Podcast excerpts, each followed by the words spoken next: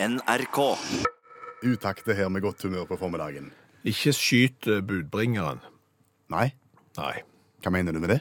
Jeg jeg mener, at nå kommer jeg med noe som nok kan virke litt stigmatiserende, sågar kanskje eh, krenkende, men det er, det er jeg er bare budbringeren her. Det er ikke jeg som har kokt i sammen denne smørja, for å si det sånn, så, så det er ikke mitt ansvar. Er det forskning? Ja, Ok, og temaet er eldre og bilkjøring. Oi sann, Ja. nå skal du være veldig forsiktig. Ja, det er jo det jeg sier. Ikke skyt budbringeren, for det er ikke min forskning. Nei. Eh, Men det er vel kanskje et inntrykk i befolkningen av at eh, jo eldre du blir, eh, jo større problemer får du i trafikken. Ja, men det er mange som sier at de yngste sjåførene er et minst like stort problem. Ja, men de har kanskje problemer i en annen retning. Mm, okay. De blir kanskje overmodige og, og kjører fort, mens eldre de kjører kanskje eh, litt vel seint. Okay. Og noen forbeholder seg kanskje retten til å rygge uten å se seg for, fordi at de har vært med å bygge landet. Okay. Da trenger ikke jeg se meg for, jeg bare rygge nå. Mm. Så, så ja, du skjønner hvor vi skal. ja, Dette er fordommer, men nå må vi til forskningen. Ja, eh, og nå er det jo forskning som, som har sett på hvorfor eldre mennesker kanskje ikke er så flinke i trafikken som de en gang har vært. Ja vel. Eh, Og det er universitetet i Ro Rochester. I USA? Ja, i USA. Det er et prestisjetungt universitet, så det er ikke tullefolk som har se- sett på dette. Og de har da konkludert med det at når folk blir gått opp i åra, så blir de mer oppmerksom på folk og biler og ting som skjer i bakgrunnen, enn de bilene og de folka og det trafikkbildet som skjer rett foran nesetuppen på dem. Det har forskerne funnet ut. Ja. Mens yngre sjåfører mm. de klarer liksom å sile alle disse inntrykkene, for det er jo komplekst å kjøre bil. Du skal jo få med deg liksom. Men de klarer å skille ut og få med seg de viktige hendelsene som skjer rett foran nesen på dem, og som har betydning for kjøringen. Mens eldre sjåfører igjen jeg legger gjerne ikke så mye merke til bilen som kommer inn fra venstre i rundkjøringa, ser heller på Oi, er det buss der borte lenger bak? Er ikke det Jo, der. Ja. Det er da greia.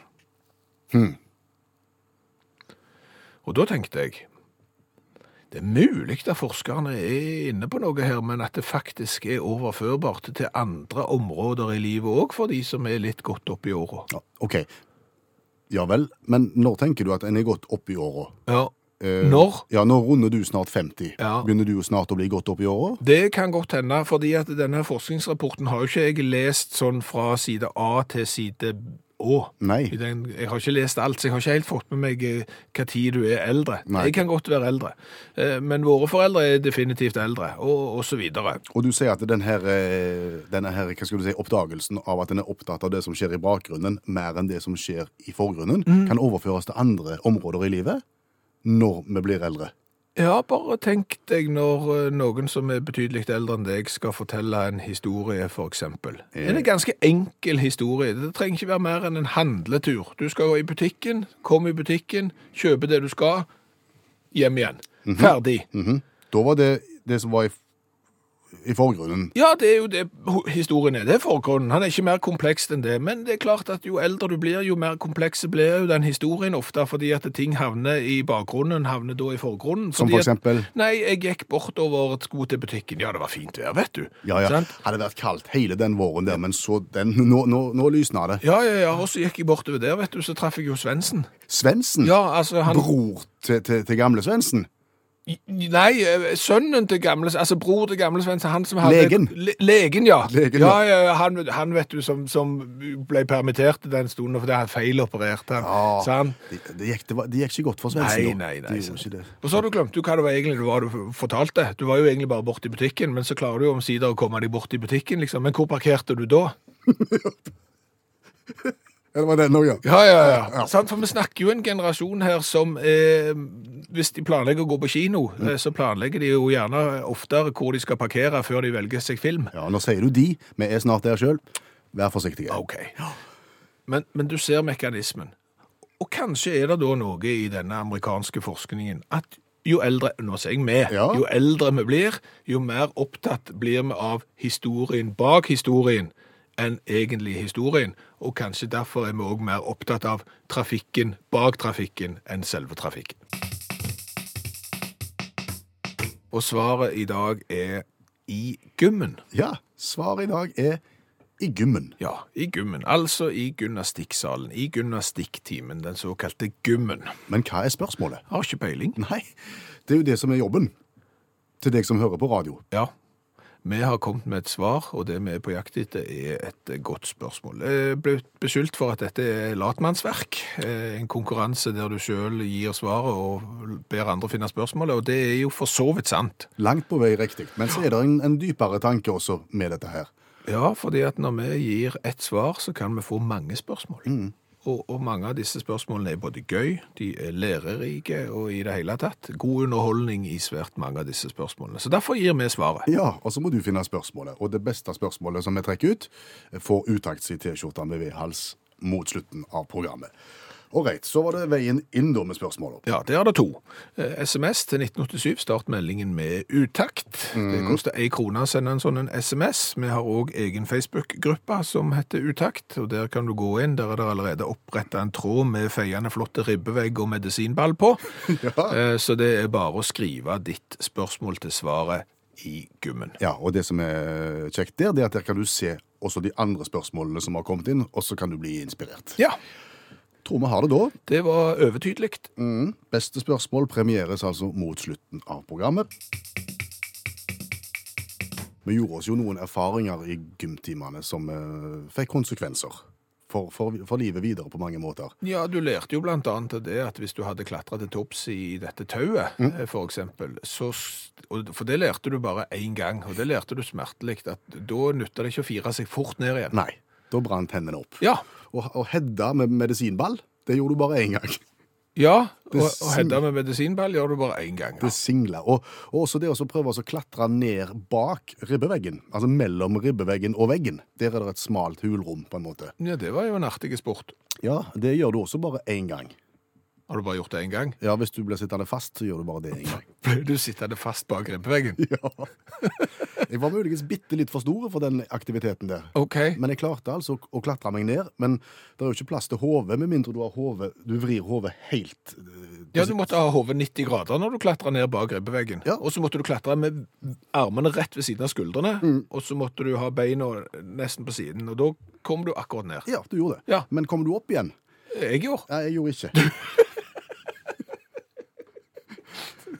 Og da står du på en måte til spott og spe, for du er jo veldig synlig der du står. Det kan du trygt si. Ja. Ja. Og når, når vaktmesteren må komme med drill for å fjerne ribbeveggen, for å hente ut han som sitter fast bak, så tenker du at jeg trenger ikke gjøre det flere ganger. Nei, det trenger Var dette tidlig i gymtimen, eller var det liksom på slutten, sånn at du gikk glipp av matematikken, eller var det sånn du sto der resten av gymtimen når de andre drev på med kanonball og, og heiv erteposer og sprang på gymsokkene sine mens du sto der. jeg var kvinneslandmønte på vaktmesteren. Jeg tror, jeg tror kanskje det var sånn. Var det sånn? Ja, ja, du fikk et lite frikvarter, bokstavelig talt. Ja, Men gym var jo kjekt. Gym var, for oss var det kjekt, men det var mange som syntes at det ikke var kjekt. Ja, jeg skjønner òg det. fordi det ble jo ofte praktisert sånn at til og med læreren sa bare del inn i lag. Ja. Og, og da valgte du fra øverste hylle, og hvis du da ikke var flink i kanonball, så ble du stående igjen. Det var jo en rar verden. Ja. Svømming, var du glad i det? Mm, ikke spesielt. Jeg likte å svømme om sommeren, men ikke organisert i skoletimer. Nei. nei. Jeg var ikke så god i svømming, jeg heller, men av en eller annen årsak så havna jeg jo da på, på skolens stafettlag i svømming. Å ja! Og, jeg, eh, og vi var ikke så gode svømmere, mange av oss, men vi hadde én som var god svømmer, da. Å ja, hva for en etappe fikk han da? Ja, første selvfølgelig, Ja, for ja, han kunne crawle, så han satte vi på første etappe. Ja. Så skulle han opparbeide seg et stort eh, forsprang da, til de andre skolene, så skulle vi komme og prøve å hale det i land. Mhm. Ulempen var jo at noen tjuvstarta. Å ja. Så Og- ble det avbrutt da?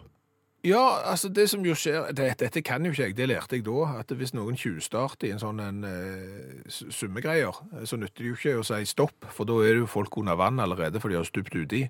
Så da senker de et sånn et tau på tvers av bassenget, Å ja. sånn at når folk kommer opp igjen, så merker de, åja, her er det et tau, eh, da er det noen som har tjuvstarta.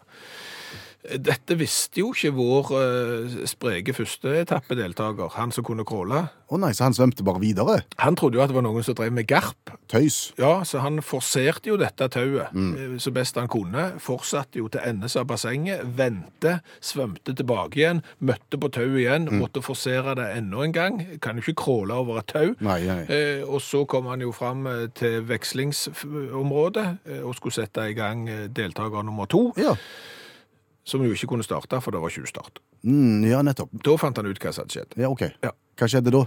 Nei, da måtte jo han gjøre seg klar til første etappe igjen. En gang til, ja?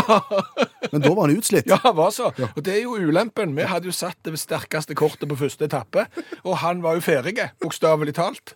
Så når da starten gikk, så var det jo vi andre som skulle prøve å ta det igjen, og vi kunne jo ikke crawle, så dermed så gikk det skikkelig, skikkelig dårlig. Ah, rekker vi én historie til da fra svømmen, svømmingen? Har du? Ja, altså, den ligner litt på din. Mm. Altså, jeg Jeg tror det var omtrent på samme periode som Ribbevegg-historien. Hvor jeg var tredjereserve på svømmelaget. Tredjereserve, tre, ja.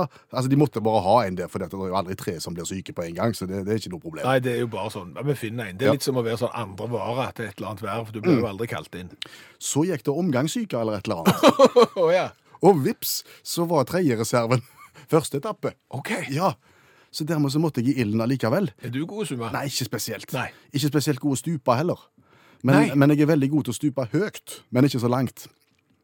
Å oh ja, så når du skal stå liksom krokbøyd der og stupe så langt som du kan for å komme fort ut i bassenget og langt fram? Ja, tenkte jeg da. Da er det første etappe. Ja. Bang, der går skuddet. Ja. Da går jeg veldig høyt opp og veldig dypt ned. Ja. Og ingen framdrift. Nei. Nei. Og bruker åtte-ti sekunder på å komme meg opp igjen til overflaten og ligger der fullstendig uten fart, og da er de andre halvveis. Ja. Så dere vant ikke stafetten? Jo, så heller? Nei, Nei. Ikke det. Nei. Hvis vi går 24 timer tilbake, mm. Eh, så hadde vi et program i går der vi spilte av denne lyden.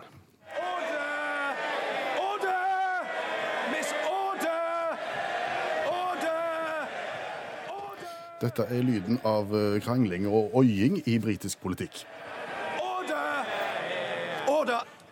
To calm down and behave like an adult. And if you can't, if it's beyond you, leave the chamber, get out, we'll manage without you. Det er fra Underhuset i England? Ja, det var Mr. Speaker. Det speaker John Burkov du hørte. Det var han som snakket, og de andre de eh, bua og hoide. Mm. Og Dette har vi sett eksempler på mange ganger i det siste, gjerne i forbindelse med brexit-diskusjonene der borte. Mm. Det snakkes og det diskuteres, og det bues og det hoies. Ja. Og i den anledning Markus har sendt oss eh, et spørsmål, og det er hvorfor i all verden er det sånn buing og hoiing og tilsynelatende dårlig oppførsel. Ja. Upolitisk kommentator i radioprogrammet Utakt. Hvorfor er det buing og hoiing og tilsynelatende dårlig oppførsel i den britiske politikken? Jo, nå skal du se. Ja. Jeg har prøvd å finne ut av det. Og, og, og, det er kanskje ikke dårlig oppførsel. Nei. Det er kanskje akkurat den oppførselen du vil ha. Eh, fordi at eh, de som da er i Underhuset, House of Commons, de har strikte regler for hvordan de skal oppføre seg, ser du. Det virker ikke sånn. Nei, det virker jo ikke sånn. Men for eksempel så må du stå når du snakker. Mm. Det er høflig. Så du må stå og snakke.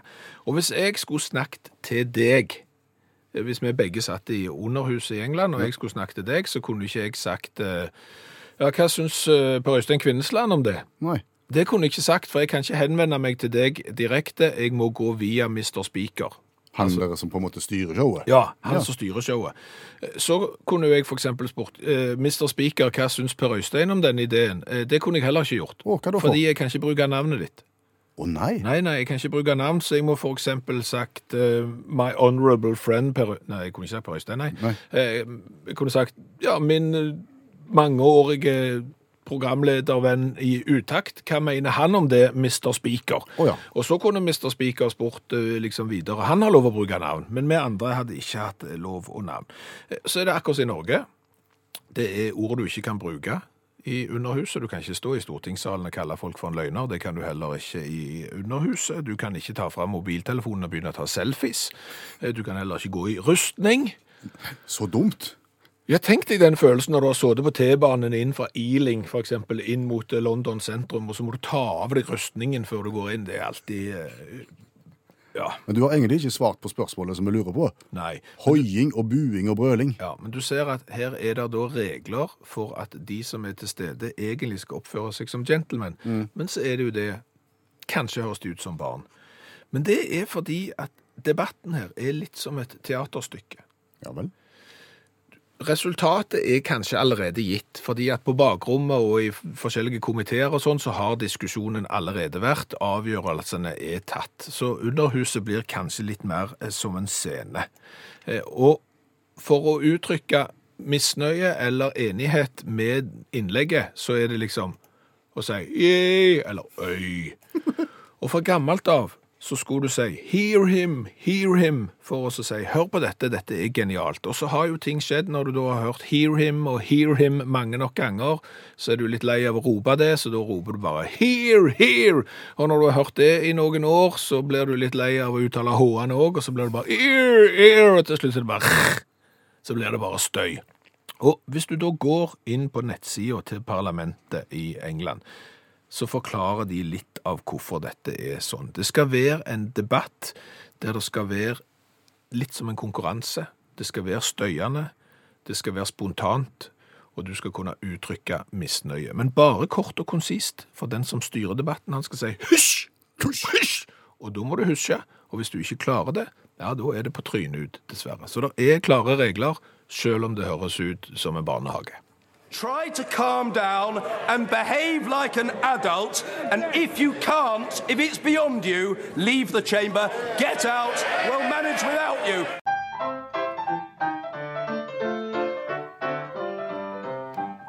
Nå skal jeg synge en bitte liten sang på 27 sekunder. Ja, fordelen er at eh, det er jo ikke lenge. 27 sekunder går fort over. Det gjør det. Og det omhandler jo da et tema fra en nyhetssak et eller annet sted i verden. Vi skal til Florida i dag. Florida. Florida in the United States of the USA. Ok, Der politiet, eh, lensmannen, lokale, har fått seg ny hund. ok. Eh, Det som de kaller for bloodhound. Er det, er det en sporhund, eller? Ja, blodhund, blod, sporhund, ja, det er sånn som vi så i, eh, i Donald Duck-bladene. Da hadde de alltid lange ører, og så gikk fant de hvem som helst. Han ser sånn ut. Å ja. Ja, det har de fått, men de har vært litt uheldige med navnet på hunden. Hør på dette.